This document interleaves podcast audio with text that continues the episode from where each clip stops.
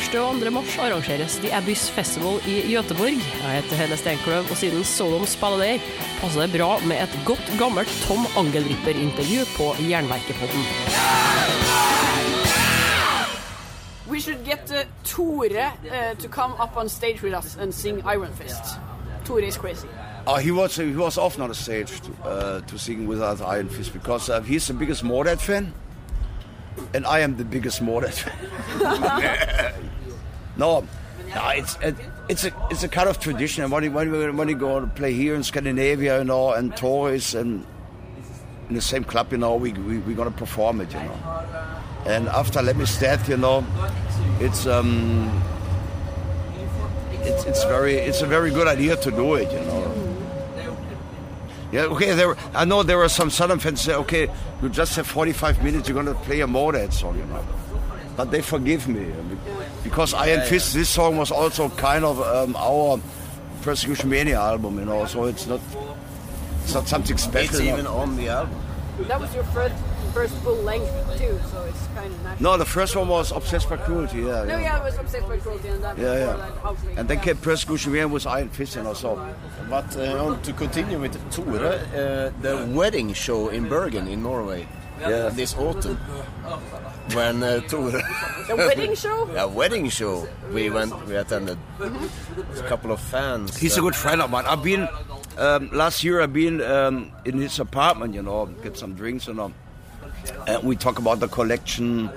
And he showed me all the singers and all the stuff. You know, it was amazing. You know, I never seen, I never seen a bigger Motorhead collection in vinyls, in shirts, in patches, in everything. You know, merchandising. You know, and um, I like this guy. You know, and and he gonna ask me, are we gonna do Iron Fist perform on stage? You know, and Benjamin said, oh no, we just have 45 minutes and.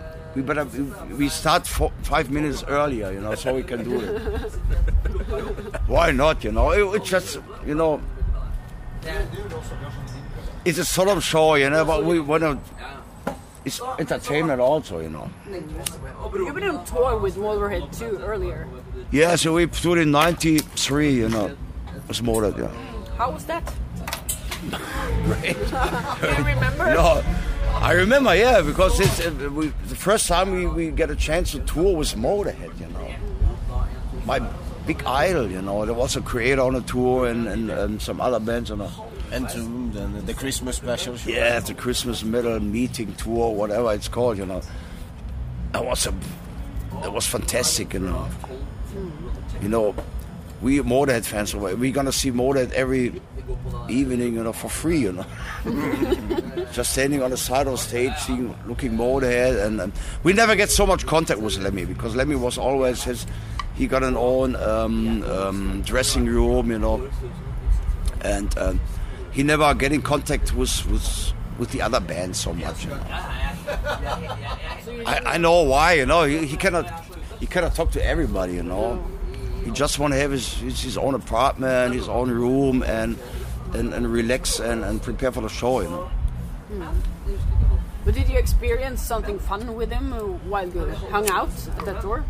Oh yes, uh, some, uh, there was. Um, I asked for an autograph, you know, and he told me maybe after the lunch. Out to lunch. okay, uh, I come back later. I never came back, you know. And, and on the last show we did, it, I don't know where it was, you know.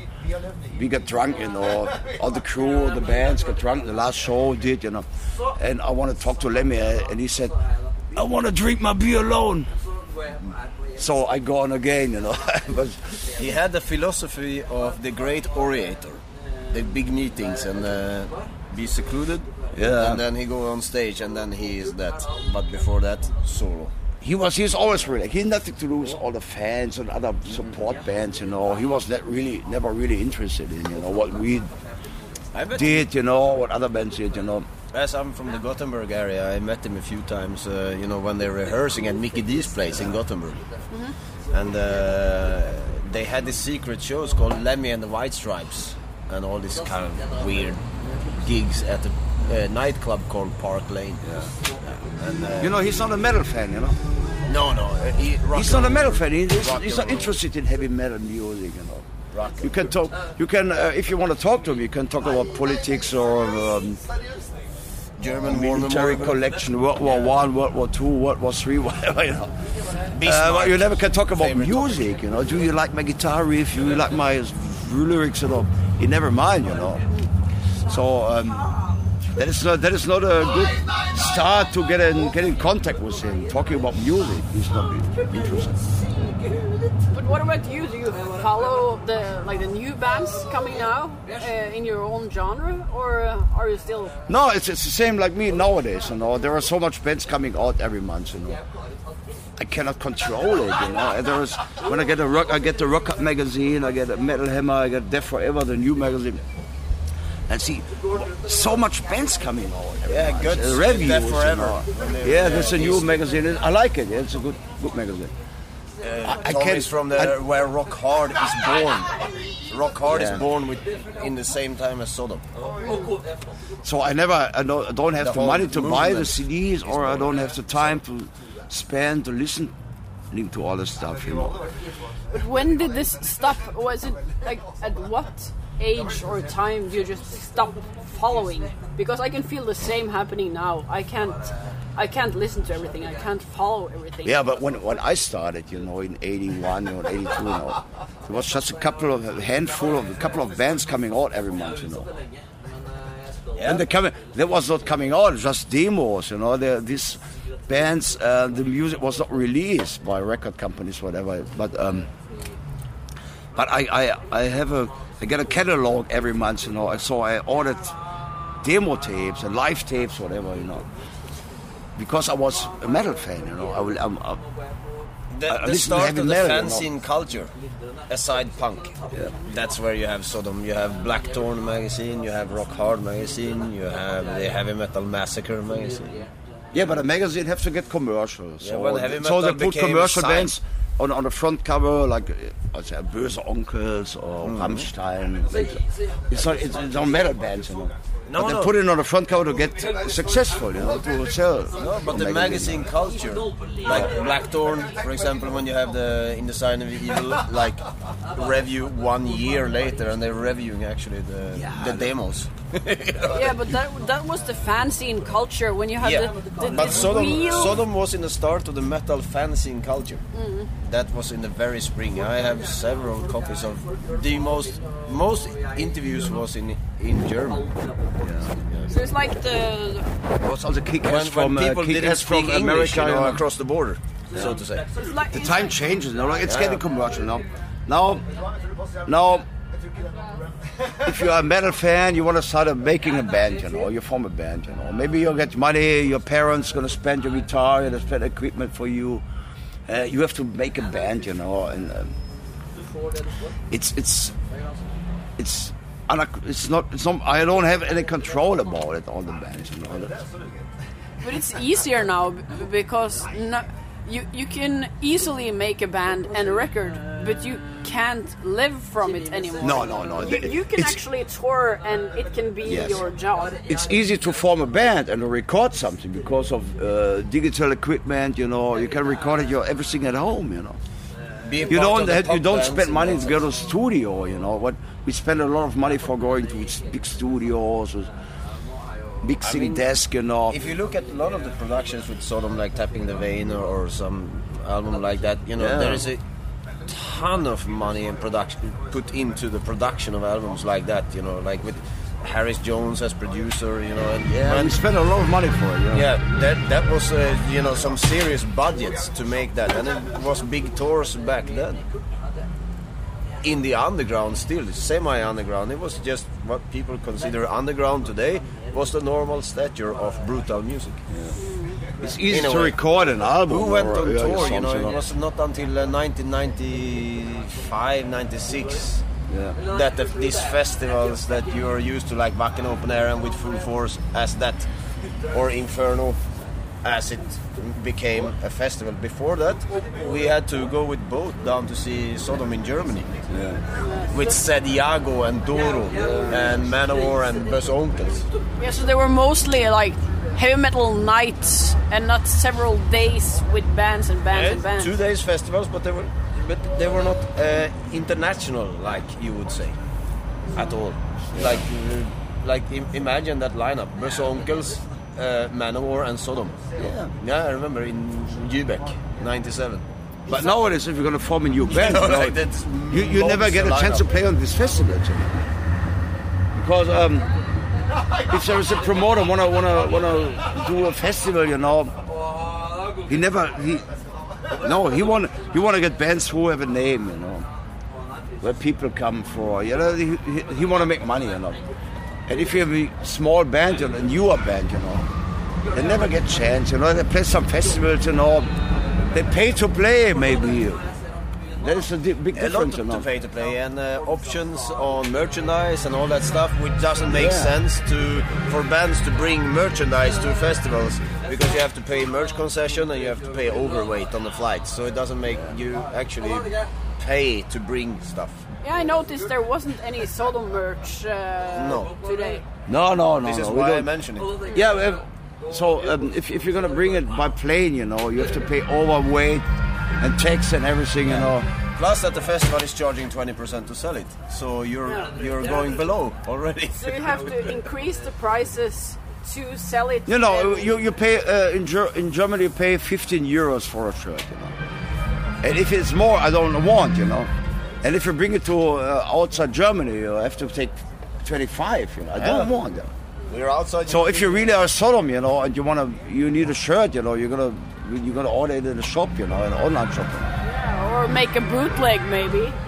Uh, there is a lot of bootlegs around, you know. People say, okay, you you never bring merch to South America, or whatever, you know. So we do our own merchandise. Yeah, they do. I never mind, you know. But do you ever uh, yourself uh, uh, help with making the merch or decide how it should look like, or is there someone else doing all No, that? no, it's my decision, you know. Yeah, yeah, yeah. The official merch, you know. I don't have any control about uh, the bootlegs, you know. They bring out, you know. There's a lot of bootleg stuff around, you know, and merch, and I can't control it, you know. I cannot, I cannot handle, it, you know. But my own merch, I do myself, you know. I know exactly how it have to look like, you know, and um, So how should it look like? I can see that this mostly Sodom shirts are quite they're quite clean.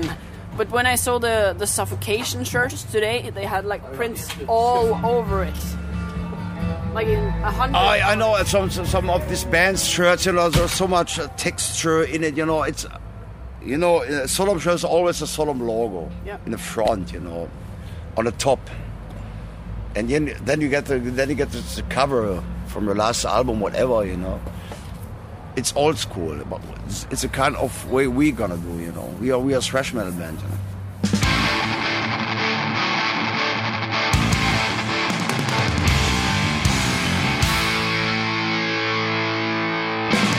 But what about? Uh, are you writing any new music uh, now? You came with an EP. Was that 2014?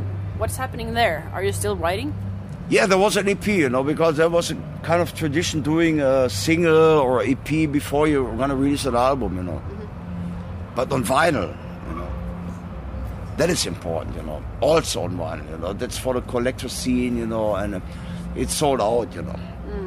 The Sacred Warpath single is sold out, you know. the vinyl has come back this past five years. I remember when I went to like record fairs uh, five or ten years ago, I could get wherever I wanted for like five euros, and now maybe the same records cost twenty or thirty euros.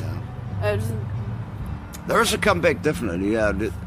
Because the metal fans want to hold something in your hand, you know. You want to get the vinyl, double gatefold, whatever, you know.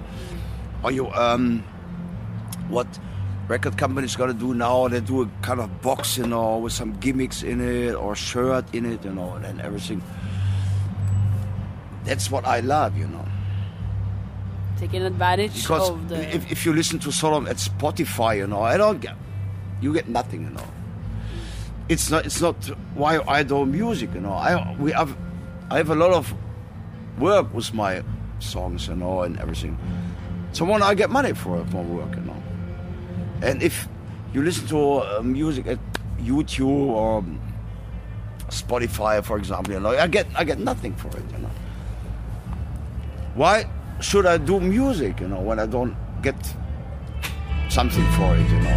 And why are you continuing then in these digital ages? Yeah, I can't. I, I, if if I can earn a little bit money for it, you know, I I, I, I stop doing music. You know, I have to try to find a job, you know, whatever, to, to make my live. You know. You can go back to the coal mines now. No, the coal mines are closed everywhere you nowadays. It became a cultural centrum in uh, There's just- Ruhrpott. yeah, there was just no, no. There's no more coal mine in the Ruhrpott. No, no, but it, the coal mines became a cultural center.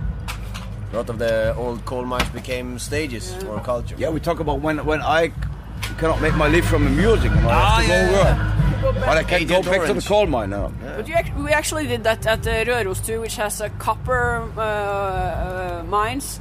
Uh, they have made concert halls in them. And the acoustics are really nice for like classical music and stuff like that, Yeah, maybe yeah, yeah, jazz. yeah, yeah. But metal doesn't work out in the old mines. It's too You know, it's, you know, it's like a Zeche Karl. You know, it's in Essen where where we where we, I did a lot of shows. You know, um, last month, you know, I did an interview with um, um, Metal Hammer, yeah, Yeah. for Obsessed by Cruelty, 30 years, you know. And we we go uh, and say, okay, I want all the stations where you rehearse, where you Yeah, where was the first show, you know, and we've been at Zeche you know. The spirit is gone, you know. It's everything's clean. It's you Stainless steel glass. stage, it's not know. this old murky. And to drink cup, you can drink cappuccino outside, you know. It's not where I was at Zeche Karl, you know. But, Like all, the all the buildings go. are still standing, and that is important. Like the lyrics go, obsessed by cruelty, cruelty deadly, cold, and grey. Yeah. Yeah. you know, that's that's it's- the essence. clean. That's the essence of the like black metal or thrash for me. But it was not. It was both spiritual and at the same time very industrial and very urban. Sodom was uh, like seeing Satanism in everyday, you know, everyday life in Sodom. But when did you start listening to Sodom? Uh, I started listening to Sodom uh, 1988, uh, 87. Friend of mine called Matthias Karlsson with the Speed Kills samplers. And uh, You that were one- quite young then. Yeah, well, that was the interest. I'm from the countryside, and we followed. And I, my friend's bigger brother, he had the Speed Kills sampler, so I copied the tapes. And that's of course the Copied them. How old are you? 40. 40. This year, isn't it? Yeah. But you're not turned 40 yet. No, May. Yeah, that was I remember because you haven't turned it yet. if I forgot your birthday, you'd probably kill me. No, Speed Kills the sampler albums. The, but that's the first material. So I started to listen to Sodom's old stuff. And then a friend of mine uh, called Matthias, he, he was a tape trader, so I started to trade a bit. And uh, I got uh, Bochum 85, uh, 10th of October, that show. Important, because on the A side it was a rehearsal tape.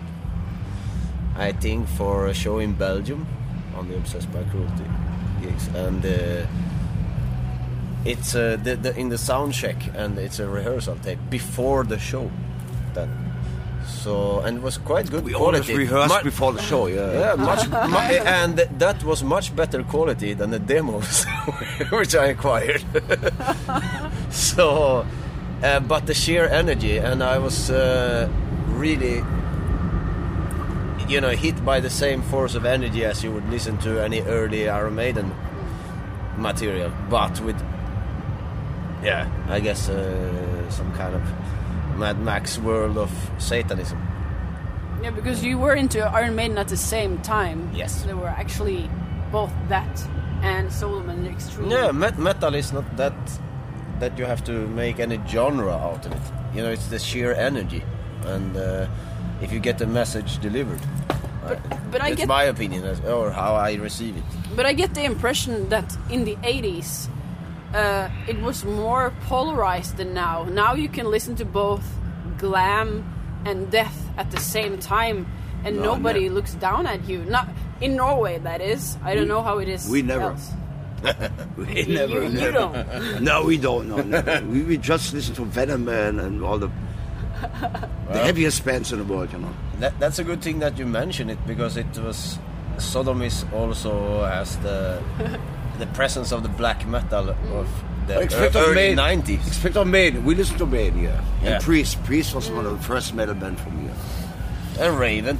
But there were uh, Raven, yeah, there was underground bands, you know. We love underground Yeah, bands. we have a lot of similar music tastes, you know, in general. When we talk, you know, like that, what's really good and what's eh, so so so. There were Of some other are- bands like Sabotage I never listened to. Some- no, no, Never. But but French Vulcain, Big band, you know. Vulcain, you know, Volcano, Okay, the- yeah, the, the something cover like with the red mountains on it. Tank. Tank, yeah. We, we got a record store in, in, in, in uh, where I come from, Gelsenkirchen, you know. And he got import CDs and I said, no, CDs, LPs. Yeah. And we got, I got something for you, Exciter, I got the Rods, you know. Oh, we got, the, we got it always three months before it was official release in Germany. I, we paid a lot of money for it, you know. And he got it import from America, from England, you know, and um, and I gonna buy everything, you know. And one day he came with Venom. We was the first Venom record, you know. That was the first Venom sampler, the leadweight sampler.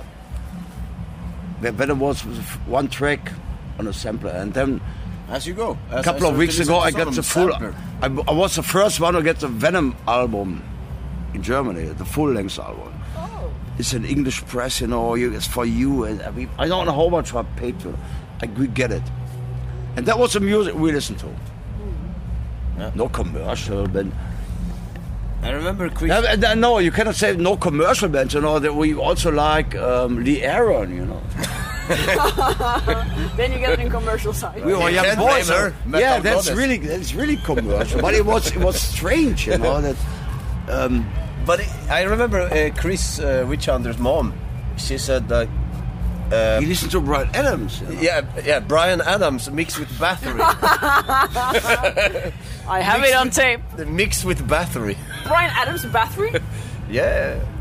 So- You know that that's a part that people forget about Sodom. How important in that sense it was as well, because Quorthon asked Sodom to be a part of that in the black metal days. to be a part of Bryan Adams.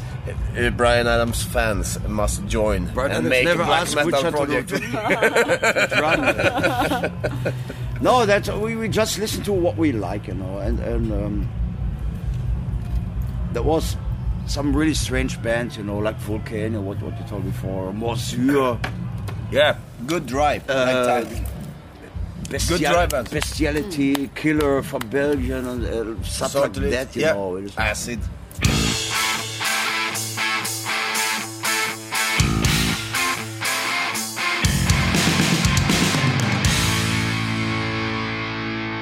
You are to pick 10 songs for the show. You have to pick one Sodom song and nine other favorite heavy metal, hard rock, prog rock, progressive rock songs for the show. So one Sodom, nine other songs from your favorite bands. Me and Tom times. had a slight conversation before you uh, appeared here on the Yeah. uh, on the porch, uh, and I think the Sodom song or a Sodom song that speaks well for the time being is a song called "I'm Buried the Hatchet." Uh, Do you agree? It's not it's not my favorite Sodom song, but it's no, but it makes sense. In, it makes it makes sense. Uh, sometimes it makes sense. and the second line goes, "Keep the mighty from the seats." So, so we actually chosen that one now from uh, one of the Sodom songs, since you Jonas is a fan and a friend of both of us. I know it would be a great idea to perform these songs out live, you know, some some rarities, you know. I'm s- I'm working really hard to to talk to my band, you know. We have to get some other tracks, you know, in the set list, you know. Are they protesting against that? Yeah, sometimes yeah. oh, we do Ancient Orange, yeah, we do. I like the Better Off Dead and the Tapping the Vein and Get What You Deserve. You know, I'll get that- what you that- deserve. My favorite album. Yeah. yeah. No, I enjoy, you know, like. Which that- song that- would you choose from it? Oh, it's it's the title track. Get what you deserve. First time so, I went down to see Sodom was at Sukkerfabrik at Get What You Deserve tour. We took the ferry over to Rostock to uh, Sukkerfabrik in '93. Yeah, that was a big production, and uh, I remember still remembering Steif came out with all the beers. And Yeah, that was the only production worldwide. you know. We, if Yeah, you, if you nice, the guitars in the studio, gang. you have to record it the guitar twice, maybe more. You know. and Stoney was there, and, And when we recorded, get what we just recorded one guitar and one bass guitar. That's it. You don't hear any second, any other second guitar on this album. You know. The way it was supposed It's the to first band who ever did it in the studio. Mm-hmm. It was a okay. If you do a live recording, you have one bass, one guitar, and we do the same. We, we we recorded this album completely without any overdub guitars. No band did before, and no band did No. did it. It, Later. those albums are uniquely aggressive. They said no, you have to re- you have to um, record the guitar twice. You have to get a stereo, so um, if you think panorama, about whatever you know. like what what people did, you know, like unfortunately that was important with labels like thrash metal, death metal.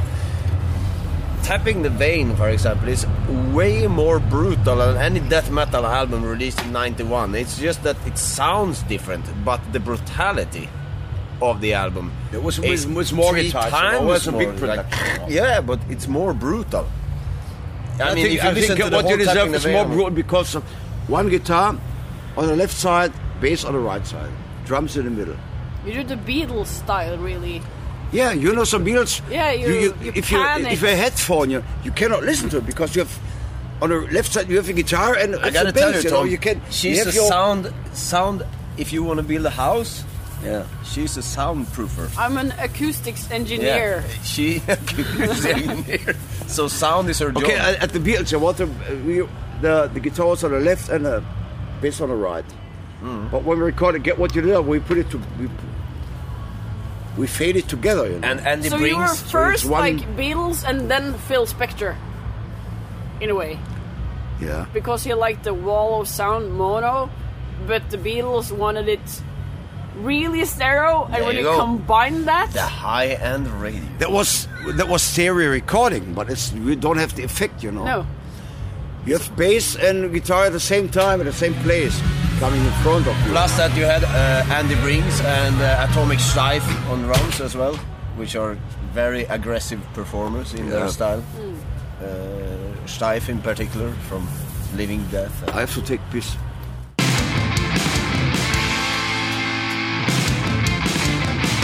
When uh, Chris Witchhunter died, uh, there was a great festival that uh, Tom put on in uh, Oberhausen. In uh, in Oberhausen, uh, and next morning or in the same night, we it was great with Assassin and Darkness, Sodom and Destruction, all the old masters of brutality. But later we went to Shiri's place to drink egg toddy, and then we listened to uh, yeah aggressive perfector and The first layer. yeah album, yeah uh, it's- it's the completely- live Black undead Magic EP, is- yeah, I Black like- Magic, and uh, That was so. Did it, did it. I, and you had a I speech tell- I can't- in German that would go something like, "This is the masters of black metal." Uh, I think it was Black Magic, Black Magic. yeah, something like that. That's a song. That's awesome. You Jonas is doing all the work for you. You can just smile and say, "Yep, yep." No, but we had many Yeah, good he's times. right, you know. Yeah, we had many good times. You But know, we- this guy knows stuff, and I know you know. I, I have sure reasons to remember because next morning was not so funny. we went Are to, they we, we went to that Frankfurt funny? to the H and R Giger uh, movie concept uh, next morning with my girlfriend at the time, Sophia. Yeah, yeah, yeah. And, oh, mess. but Sophia now is in a completely different world. You know, so, Yeah, yeah. She's a famous tattoo artist in Germany. Oh, she was German. No. she lives in Berlin. She lives in Berlin now. We spend a lot of uh, time uh, going to Sodom shows. Actually, and uh, a lot of Yes, we spent a lot of money also. yeah, been well worth it That's what we over do. the years. Yeah, traveling Being and, uh, fans. Yeah, but fans, but uh, fans then Friends. y- oh, yeah, also. friends. He's a big fan, but he's also a big friend. You know, that's um, Cuteness overload. Priest was the first really heavy metal band I ever listened to. You know, because Priest is, is it was more metal than Maiden. You know, Priest was a really heavy metal band. You know? I like Priest more than Maiden. I do. Sorry, Jonas. Ah, well, If you're gonna you see the, suck out, the, the covers, outfit, and the lyrics and all, Priest was the first metal band I listened to. Definitely, it was not ACDC. It was Priest. What albums Yeah. and songs are your favorites? Uh, and my, my favorite album is Screaming for Vengeance. Yeah. Yeah, Defenders of the Faith is a great album. You know, there's. Um, I don't. I'm, I'm not a big fan of Painkiller. You know. It was not. It was okay. They, No, get, get it's a new wrong, drummer. for You Judas, know. it's wrong for Judas Priest to go thrash.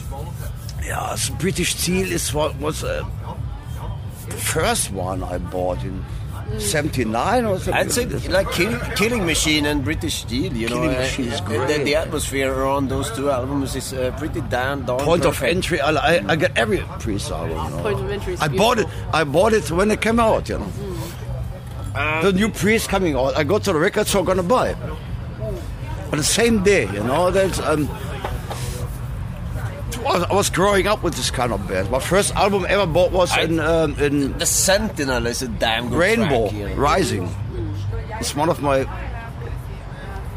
all-time favorite, you know, because that was my first album I bought from my own money, you know.